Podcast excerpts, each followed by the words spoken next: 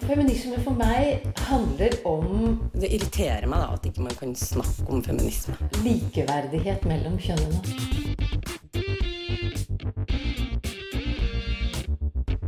Det blikket på kvinnen på film. handlet om å bli tatt på alvor som jente.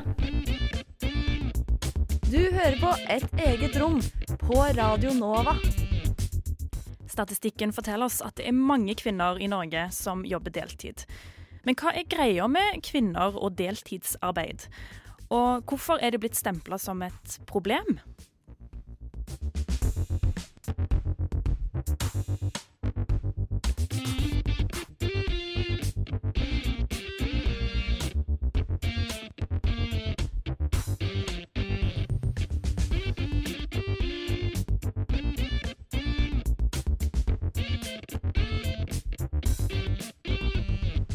Yes! 1. mai, arbeidernes dag, er faktisk i morgen, Sofia.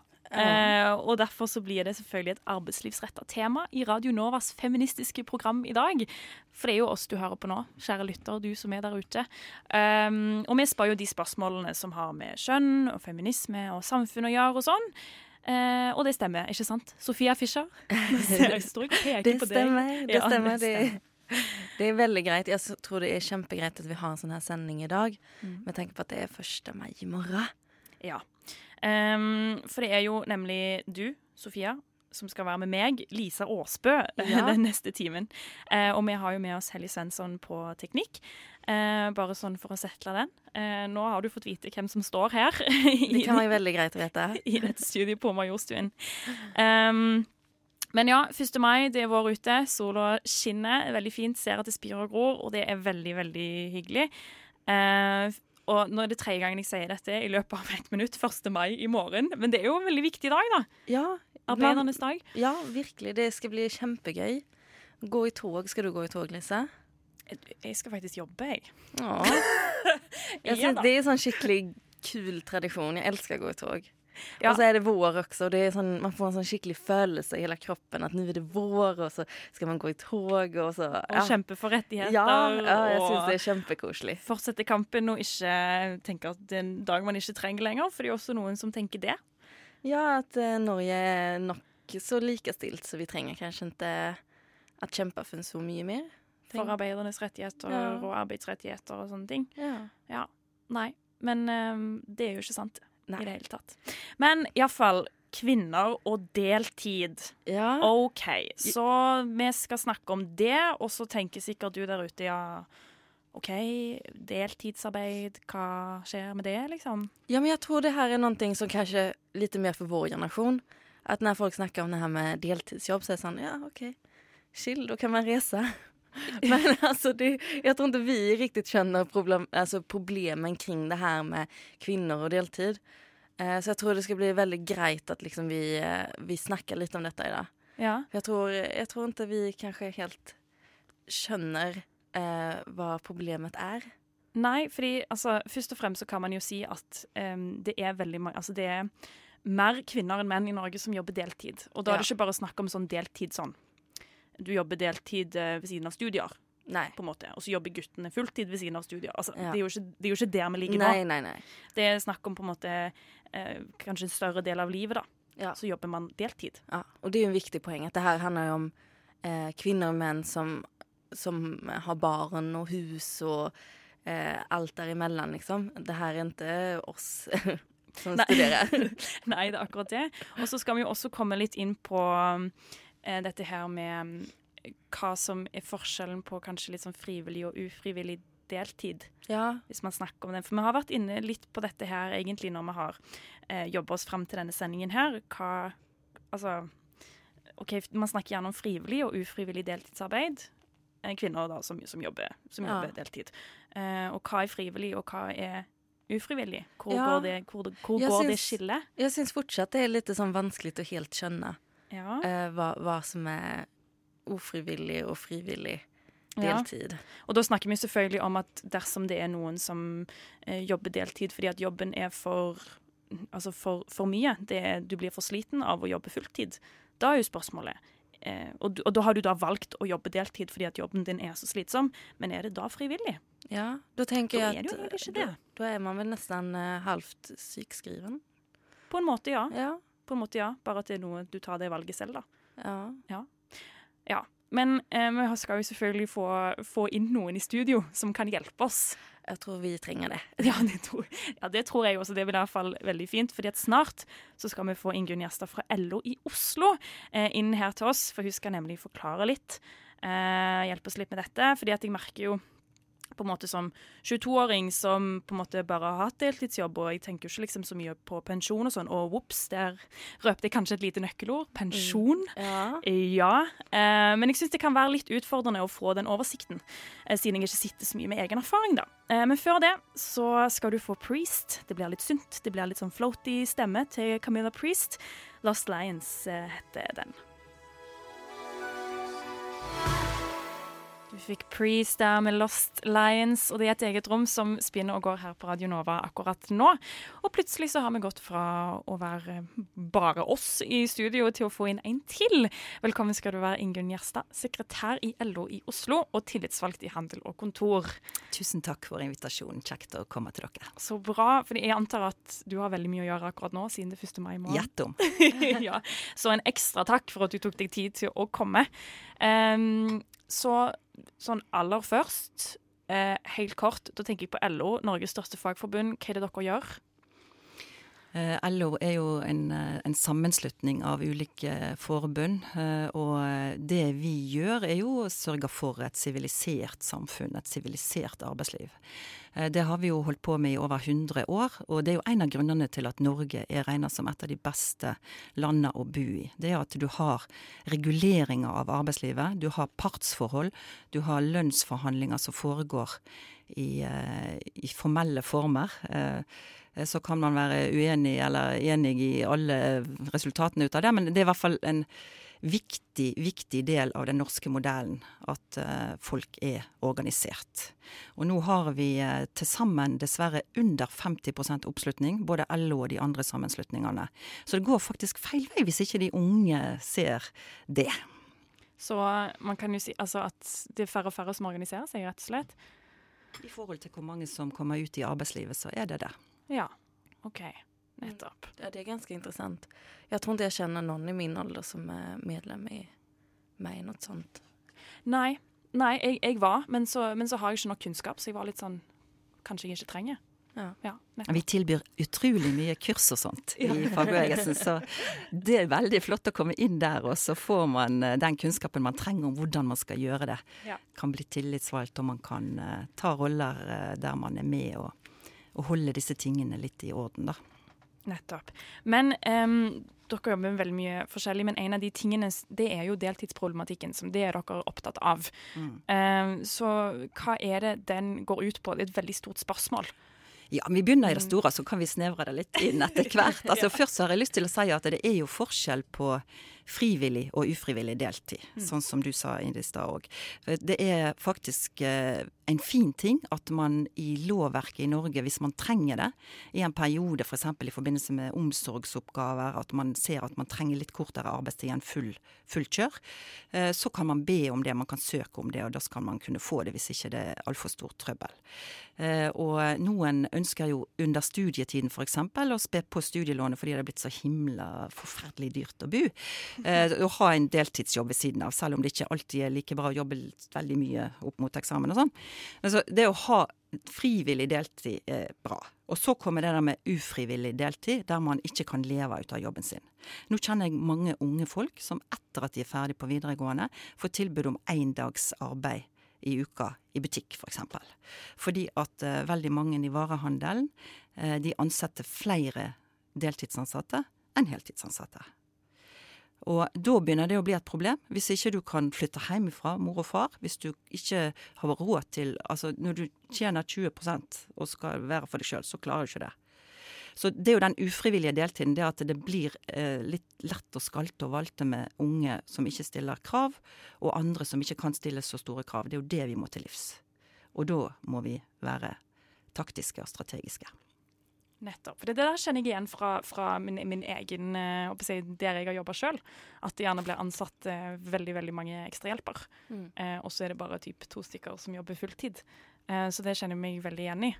Um, men så er det jo liksom nå har vi jo, Når vi har jobba oss opp den, mot, mot, denne sendingen her, eh, så har vi jo vært, tenkt litt på at Man har fått litt inntrykk av at det er enkelte sektorer hvor dette er mer utbredt enn andre. Og da typisk de kvinnedominerte sektorene. Er dette noe som stemmer, eller? Det stemmer veldig. Det, det, er særlig kvinner som jobber deltid. Og det er jo store mørketall, men man sier at det er ca. 70 000 kvinner som jobber ufrivillig deltid i Norge. Men jeg tror det er mange flere enn det. Ja. Fordi det er vanskelig å telle det. Så, eh, og det som er litt pussig, hvis du går inn på et eh, stort kjøpesenter som har en altfor lang åpningstid, så sier veldig mange i butikkene som det jobber damer i, at vi får ikke vaktplanen til å gå opp. Eh, så vi må ha en god del folk på deltid. Hvis du går inn i en mannebutikk, Jernia eller Claes Olsson eller sånne ting, så jobber nesten alle guttene fulltid på de samme åpningstidene. Så det gjelder også i, i liksom, håper jeg, altså i, i butikksektoren også? Det er ikke liksom bare på sykehusene? på en måte? Det gjelder på sykehusene, hjemmetjenestene. Det gjelder jo både i offentlig og privat. Det gjelder i restaurantene. Det gjelder overalt. Veldig, veldig store problemer med deltid. Kanskje noen eh, yrker, sånne typiske kontoryrker og sånt, er det mindre vanlig. Altså jeg syns det høres helt sjokkerende ut at eh, folk som jobber i samme butikk, nesten, i butikken rett ved siden, jobber heltid kontra deltid. Men er det fordi, altså, er det fordi at det er kvinnedominert? Altså, er, det liksom, er, det, er, det, er det et vanlig trekk ved disse stedene? Hvor det er deltidsproblematikk? Det som er et veldig vanlig trekk ved at det er deltidsproblematikk, er at det er lav grad av organisering. Lav grad av identifisering med arbeidsplassen som sådan. Altfor mange unge jobber kanskje i en sånn bransje mens de studerer, jobber litt, og så blir de der fordi at de venter på drømmejobben. Drømmejobben kommer ikke sånn første året, kanskje ikke andre året heller. Og da blir de bare der i den der litt limbo sånn på vei til, sant. Og så er de ikke organisert og har ikke veldig sterk identitet inn mot den jobben i butikk eller i restaurant. Og det mener vi i fagbevegelsen at det hadde vært smart om de orienterte seg i den fasen også som yrkestaker i den, altså arbeidstaker i den, den bransjen, og var med å styrke fagforeningene der. For det er jo bare sånn man kan få gjort noe med å stille krav, hvis man står sammen. Jeg kjenner ingen, jeg, som jeg har møtt som har fått til å få eh, ufrivillig deltid til å bli større, sånn én og én. Men jeg kjenner mange der de har vært fagorganiserte, der de tar det opp i klubben, tar det opp mot bedriften, og så har du da en tariffavtale som bestemmer sterkere enn lovverket. Og hvis du bruker den riktig, så kan du gi fortrinnsrett til folk som ønsker mer stilling. Men du får ikke det til alene oftest. Nei, OK, nettopp. Vi skjønner. Um, men, men da er det liksom sånn Er det, er det billigere for, for arbeidsgiveren å ansette flere ekstra altså deltidsjobber? Ja, Hvorfor det- ble det ikke tilbudt mer fulltids? Er ikke det liksom greiest fordi at det er enklest for alle hvis det bare går opp? på en måte? Ja, eh, vi tenker jo at eh, det er flott eh, jo flere som jobber fulltid, for folk får jo da en sterkere kompetanse, de får en sterkere forhold til å yte, sant. Men det er jo et pengespørsmål, fordi at i noen av disse avtalene så slipper du unna med å betale ubekvem arbeidstid. Eh, Dersom du har mindre enn tolv timer per uke, f.eks. i butikk, så er det inn i avtaleverket at da skal du slippe å betale for ubekvem arbeidstid, f.eks. fredag og lørdag kveld og sånt. Så det er det jo nok en del arbeidsgivere som spekulerer i. Men um, hvorfor har dette fått, fått et uh, problematikkstempel på seg? Det er jo fordi at lønna vår som kvinnfolk er jo grunnlaget for å leve det livet vi vil. For å klare seg sjøl, for å slippe å bo med en fyr du ikke elsker. For å slippe å bli undertrykt. For å slippe å, å ha en eller annen ordning der du må spinke og spare og finne deg et sted som er dårlig å bo, f.eks. Og dette med frihet til å velge. Den økonomiske basisen er jo helt avgjørende der. Derfor er det så forferdelig viktig. Men kan man da også For jeg var jo litt inne på det eh, litt tidligere med dette med pensjon. Eh, hva, hva er hva, det, for, det kan også få konsekvenser for pensjonen, men hva er greia med det? Alle som er født etter 1963 oss som er unge i dag, vi eh, vil jo bli ofre for den pensjonsreformen som kom i 2005. Som gjør at man smører det tynnere utover. Man må jobbe flere år, og alt det man tjener alle årene teller med, mens det før så kunne man velge de 20 beste årene på slutten av karrieren sin f.eks. som grunnlag for pensjon. Og det er jo eh, blitt en, eh, en problem. sant? I tillegg så har du levealdersjustering som gjør at når folk lever lenger, så blir det enda mer utsmurt. sant? Så det blir mindre prosenter i pensjon enn det var før. Før var det jo to tredjedeler av lønna som du hadde. Så derfor så er det kjempeviktig at folk jobber eh, fulltid, at folk organiserer seg og får tariffavtale. Det er veldig stor forskjell ofte på lønna du får om du bare jobber på tariff-timelønn, eller om du også har en tariffavtale og får de andre tilleggene og alt det som skal til, og den medbestemmelsen.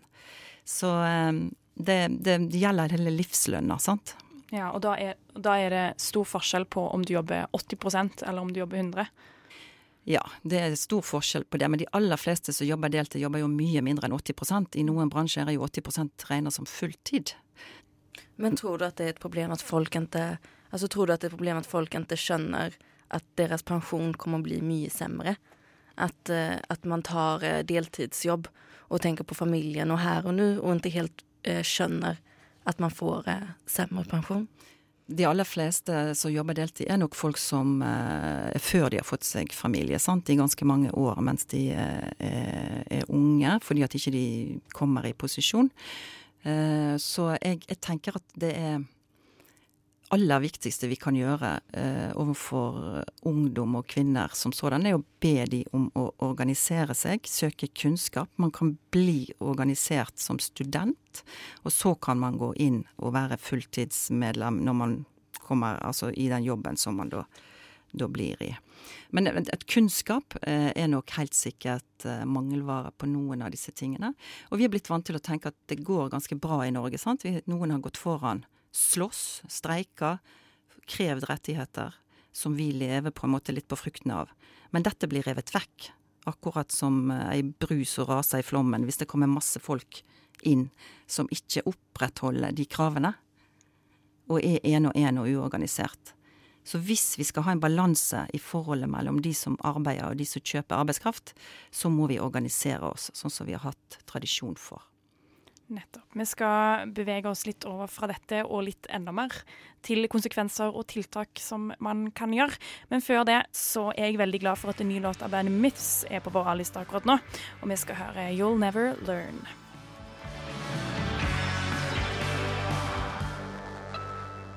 Myths You'll Never Learn, helt fra Australia der.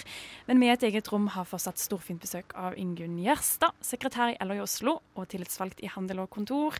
Og nå har vi prata og redegjort litt for denne deltidsproblematikken. Hvorfor man kaller det for eh, problematikk, hvorfor man har satt det navnet på det.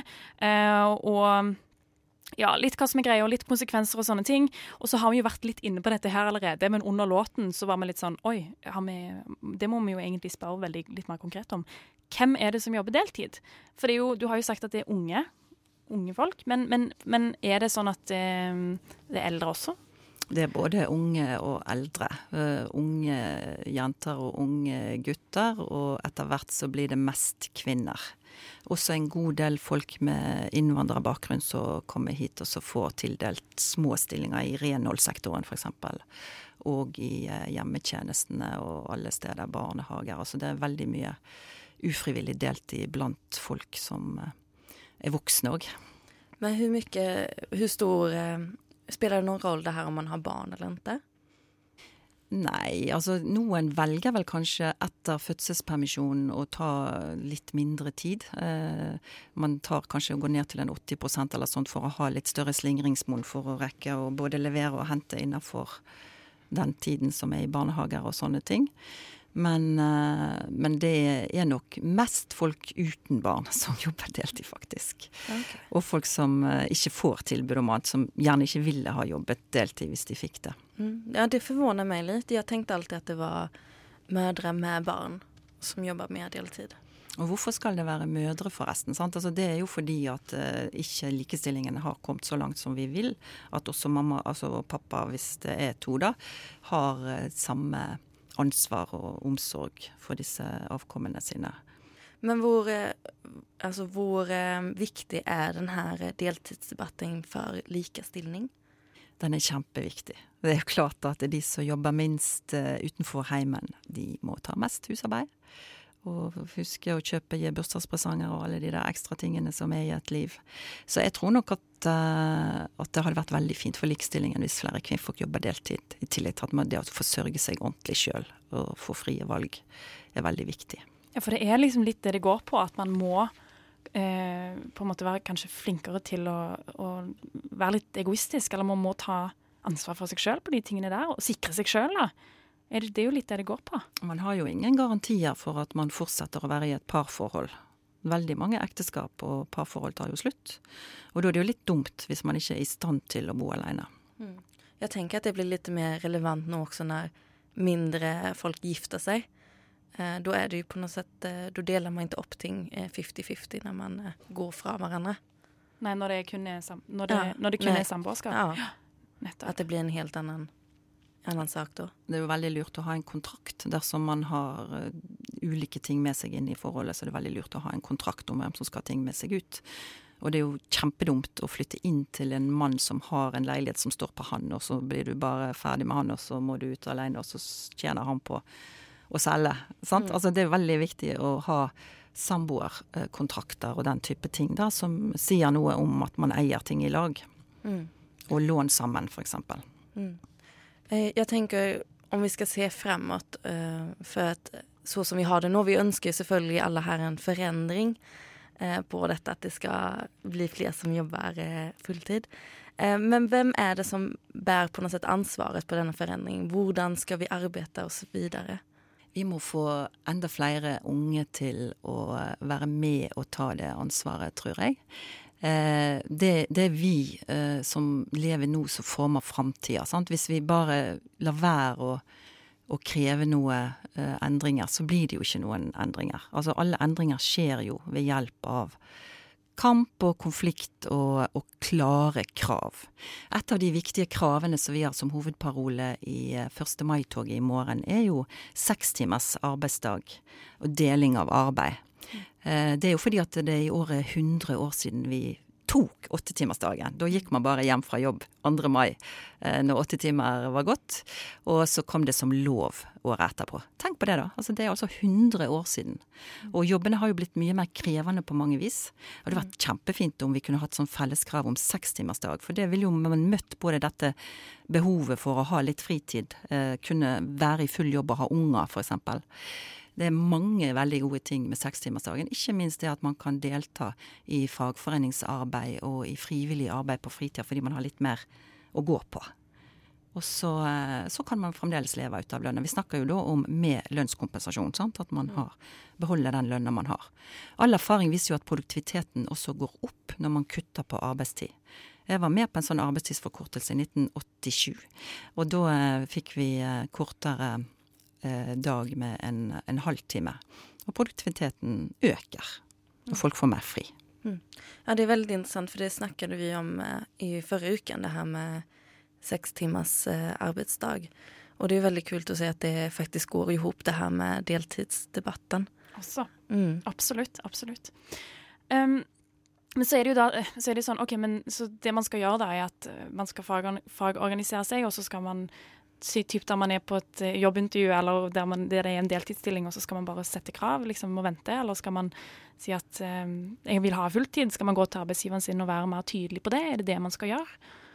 Ikke alene nødvendigvis i den uh, intervjusamtalen, men uh, det går jo an å sjekke ut når man søker en jobb om det er en tariffavtale der. Det går an å sjekke ut om det er noen andre organiserte, sånn at man sammen kan kreve en tariffavtale. fordi at da får man et mye mer organisert arbeidsliv når man bruker de verktøyene som fagbevegelsen har forhandla frem.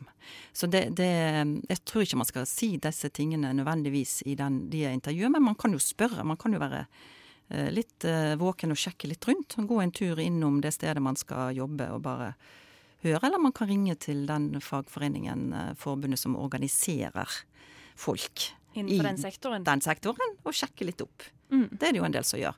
Og da er, jo, da er jo mye gratis, på en måte, sant? hvis man kommer inn i en ferdig klubb. Hvis ikke så må man være med og lage en klubb. Jeg var ute og organiserte på fredag et sted eh, i varehandelen om kvelden, da, eh, der eh, det kom en del studenter på jobb fredag ettermiddag. I, i det stedet så var det en eh, eh, dobbelt så mange som jobber deltid, som jobber heltid. Mm. Og eh, ganske mange organiserer seg som studentmedlemmer og betaler kun 500 kroner i året. 250 i semesteret for en knallgod eh, avtale å være med på. Også seinere, når de tjener mer enn eh, 1G, eller ca. 93 000, så går de opp til vanlig medlemskap. Det er jo en utrolig rimelig og grei innfallsport til et organisert arbeidsliv. At alle som har en deltidsjobb, melder seg inn i LO www.lo.no. Der ligger det! Så det kan man bare gjøre på internett på veien hjem. Eller til studiestedet. Ja, da tror jeg det er fint å følge den oppfordringen der, altså. Tusen, tusen takk eh, for at du tok deg tid til å komme hit sånn helt på tampen av 1. mai. Ingunn Gjerstad, eh, LO i Oslo, og tillitsvalgt i handel og kontor. Takk skal du ha. Takk for at jeg fikk komme. Og kom i morgen i 1. mai-toget. Ja, det skal vi det gjøre. må vi. Ja. Du som er sliten og sinna og lei. Nå vil vi synge ei vise til deg om at kvinner kan si fra, protestere og slåss. Bli med hos oss. Du hører på Et eget rom. Likestilling kommer ikke av seg selv. Det ble et lite dypdykk tilbake til Kyra der, som var lista for en eh, god stund siden. Men eh, ligger fortsatt trygt og godt i arkivet vårt. My Love heter den. Eh, veldig fint. Um, du hører på Et eget rom hvis du nettopp skrudde på radioen. Eh, det er Lisa og Sofia i studio, eh, og vi snakker altså i dag om kvinner og deltidsarbeid, siden det er 1. mai i morgen, og det er kjekt å ta opp et tema som eh, har noe med det å gjøre, for det er jo viktig. Det er utrolig viktig. Og det er typisk at vi alltid sier at alt vi snakker om er viktig, men det er jo faktisk sant, da. Ja. men um, deltidsproblematikken, eller kvinner og deltid Ja, det er utrolig relevant med tanke på at det er 1. mai i morgen. Og det er jo en, eh, en stor parole eh, i år. Det her og seks timers, det timers arbeidsdag. Ja, for det fant vi også ut av at det går hånd i hånd med temaet vi hadde forrige uke, Ja. som var sekstimersdagen. Eh, og det fikk vi klart ganske svart på hvitt, at det kan jo også løse litt av problematikken her. Men det har jo også blitt forska litt på. ja, det er ganske intressant for nå hadde vi jo nettopp en gjest. Ja. Eh, og eh, altså forskningen peker på det finnes mange många variabler til hvorfor eh, kvinnor tar ut mer deltid eh, än män. Eh, det är ju absolut eh, en skev fördelning. Eh, det kan vi nog alla vara, det finns en massa uppgifter på. Men eh, något som kommer upp väldigt mycket när jag söker på, har sökt på SSB, Statistiska centralbyrån, Mm. är ju att det är mycket mödrar med, med unga barn som tar ut mycket, eh, mycket deltid. Och mödrar med barn i ålder 0 till 1 har i genomsnitt nästan 30 000 eh, lavere pensjonsgivende inntekt enn kvinner uten barn. Så det har jo faktisk utrolig mye å si Mm. eh, om man har eh, fått barn eller ikke. Og jeg tror at 30 000 er også ganske mye når det er snakk om pensjon. Mm.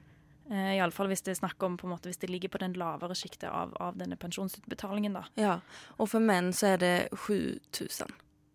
Syv? 7 000 mindre i, eh, i um, pensions... Eh, Med, Barn. versus om du har barn eller ikke barn. mm. Så det er jo veldig 30 stor 000 kontra 7.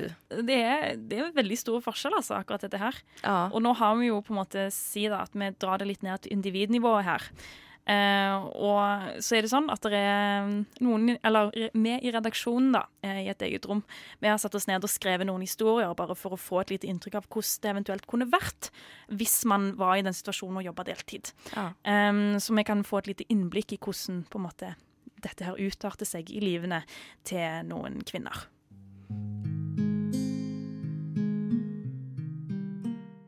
Likestillingskoordinator i Statistisk sentralbyrå, Karin Hamre, forteller i en artikkel av SSB at en av de store kjønnsforskjellene i arbeidslivet handler om arbeidstid. I land med høy sysselsetting blant kvinner jobber ofte en stor andel kvinner deltid. Andelen kvinner som jobber deltid har gått ned de siste ti årene, men allikevel har Norge 37% av sysselsatte kvinner i deltidsarbeid, og er dermed blant landene i Norden med størst andel deltidsarbeidende kvinner. At flere kvinner enn menn arbeider deltid, medfører forskjeller i lønn.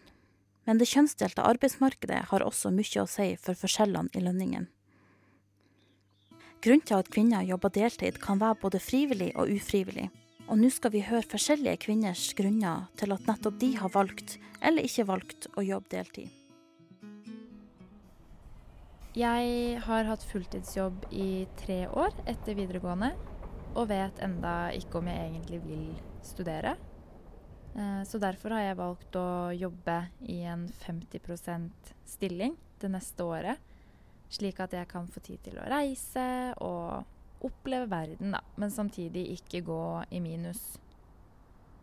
En deltidsjobb er en fin måte å kombinere både skole og jobb, men også reise og jobb, som er i mitt tilfelle. Mange tar seg kanskje et helt år fri for å reise, men jeg velger da å beholde jobben eh, for økonomisk sikkerhet, rett og slett. Hei, jeg heter Lene og jeg er 34 år. Jeg er gift med en mann som jobber en del overtid. Vi har to barn sammen, og for at vi skal få hverdagen til å gå opp med tanke på barn og hund og hus, så har vi funnet ut at det beste for oss er at jeg har en 50% stilling. Det yrket jeg har, ville vært veldig tungt dersom vi skulle hatt en høyere stilling og samtidig tilby barna mine like mye tid. Så vi har da valgt å gjøre det sånn. Um, likevel skal det jo sies at det hadde vært spennende å ha uh, en stilling på jobb som tillot meg å ta litt mer ansvar der. For uh, ett år siden nå så ble jeg mamma uh, til verdens fineste gutt. og jeg har ikke angra et sekund på den avgjørelsen. jeg er alenemamma, og faren til gutten er da altså ikke med i bildet. Mm, jeg trivdes ikke særlig i jobben jeg hadde før jeg fikk barn. For den var veldig fysisk krevende, og jeg slet en del med tanken på å gå tilbake til den jobben. Uh, og i tillegg da, så har jo sønnen min en uh, diagnose som gjør at jeg må ha en del fri for å dra med ham på sykehuset. og jeg kjente behovet for å ha en mer fleksibel jobb. Så da passa det jo helt supert når min tidligere arbeidsgiver omplasserte meg og ga meg en 70% stilling med fleksible jobbtider, da, som gjør at jeg både kan jobbe med noe jeg føler meg mer komfortabel med, og i tillegg eh, ha muligheten til å følge opp sønnen min så mye som det trengs. Hei, mitt navn er Kari. Jeg er 57 år gammel og utdanna helsefagarbeider. De siste ti åra har jeg jobba i en 80% stilling hos et omsorgssenter her i Oslo. Eh, samtidig så har jeg tatt på meg en del ekstravakter for å sikre en eh, litt bedre inntekt. Eh, så sånn sett så jobber jeg tilnærma lik 100 men får da likevel ikke den samme pensjonsordninga som jeg kunne fått dersom jeg hadde hatt en 100% fast stilling. Disse historiene er bare få av de mange historiene og grunnene som finnes. Og for noen er det kanskje et privilegium å kunne jobbe deltid, mens for andre er deltidsjobb noe de ikke har valgt sjøl. Dette kan bl.a. være pga. mangel på ledige fulltidsstillinger innenfor yrket man er utdanna seg i. Men det kan også være pga. en sykdom eller andre omstendigheter som gjør at fulltidsstillinger i enkelte yrker ikke er et alternativ. Så hva kan vi egentlig gjøre for å endre dette?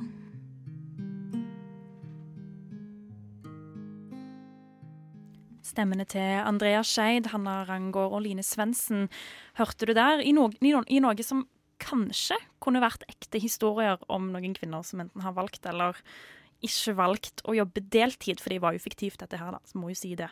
Mm. At det, vi har, skrevet det sjøl, da. Um, så hvordan kan man egentlig løse dette her, som Line spør så fint ja, på slutten? Veldig bra spørsmål. Hva kan, hva kan vi gjøre?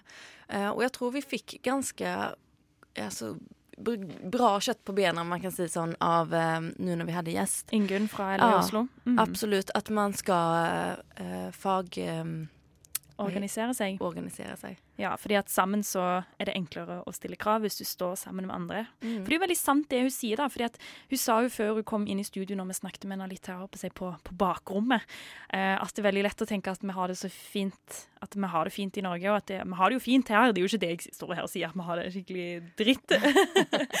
men at eh, man tenker at ja ja, men sånn er det jo bare, og det løser seg. Og man tar kanskje litt ting for gitt, da. Mm. Men det er jo viktig å, å, å, å gjøre det og Mm. samle seg sammen. Men det som jeg syns for det var ganske mange ulike eksempler i, i, eh, i det som vi spilte nå. Eh, og vi hadde jo ei som jobba deltid etter videregående.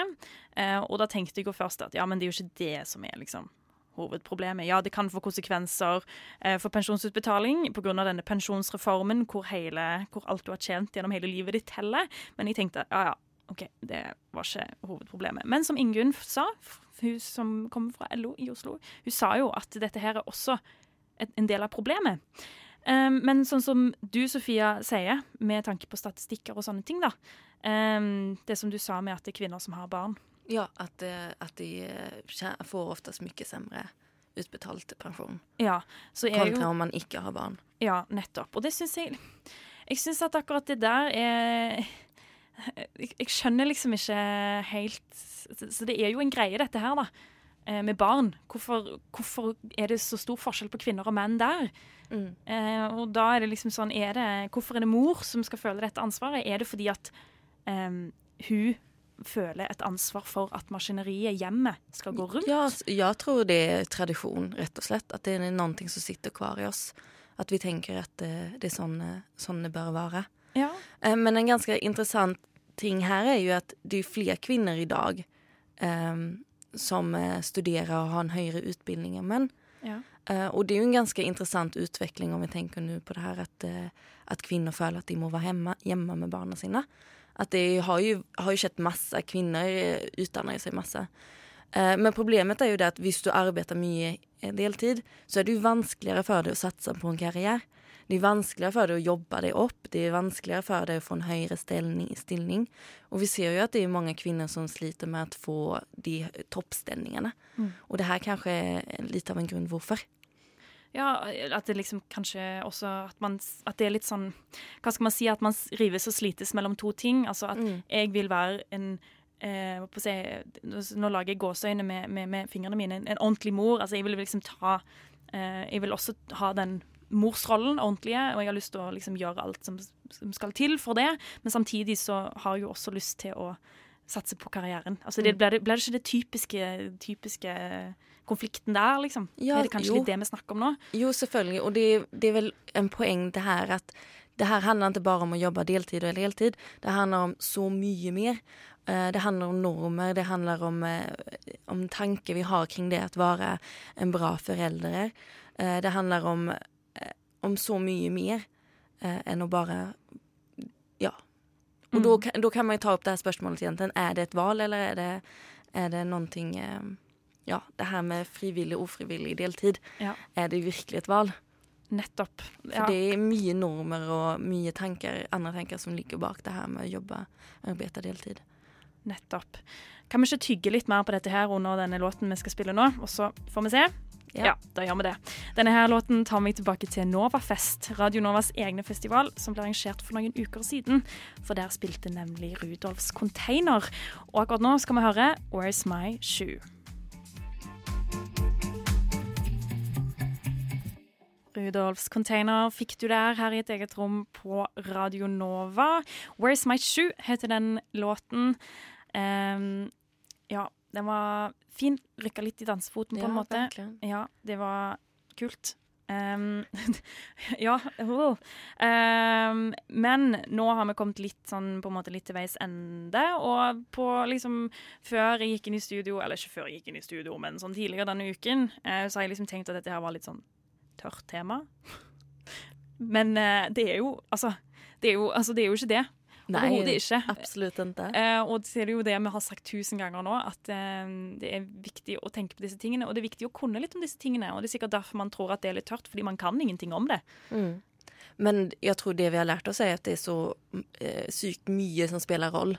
Eh, det er ikke bare Ja, med det her med deltid. At det det er mange, mange moment som, eh, som går inn i det, og at Ja. det er så svært og det er vanskelig å skaffe litt oversikt, og at det derfor Ja. blir så stort. Ja. Uh, og jeg tror kanskje, Men jeg tror at man generelt kanskje er litt for dårlig til å tenke framover. Kanskje det er derfor man ikke har lyst til å fordype seg, eller syns at det er litt sånn uh, tricky. Kanskje at det er ikke det man leser seg opp på på en fredagskveld, fordi man er litt opptatt av her og nå, og tenker ikke så mye framover. Men jeg har lyst til å gi en liten oppfordring.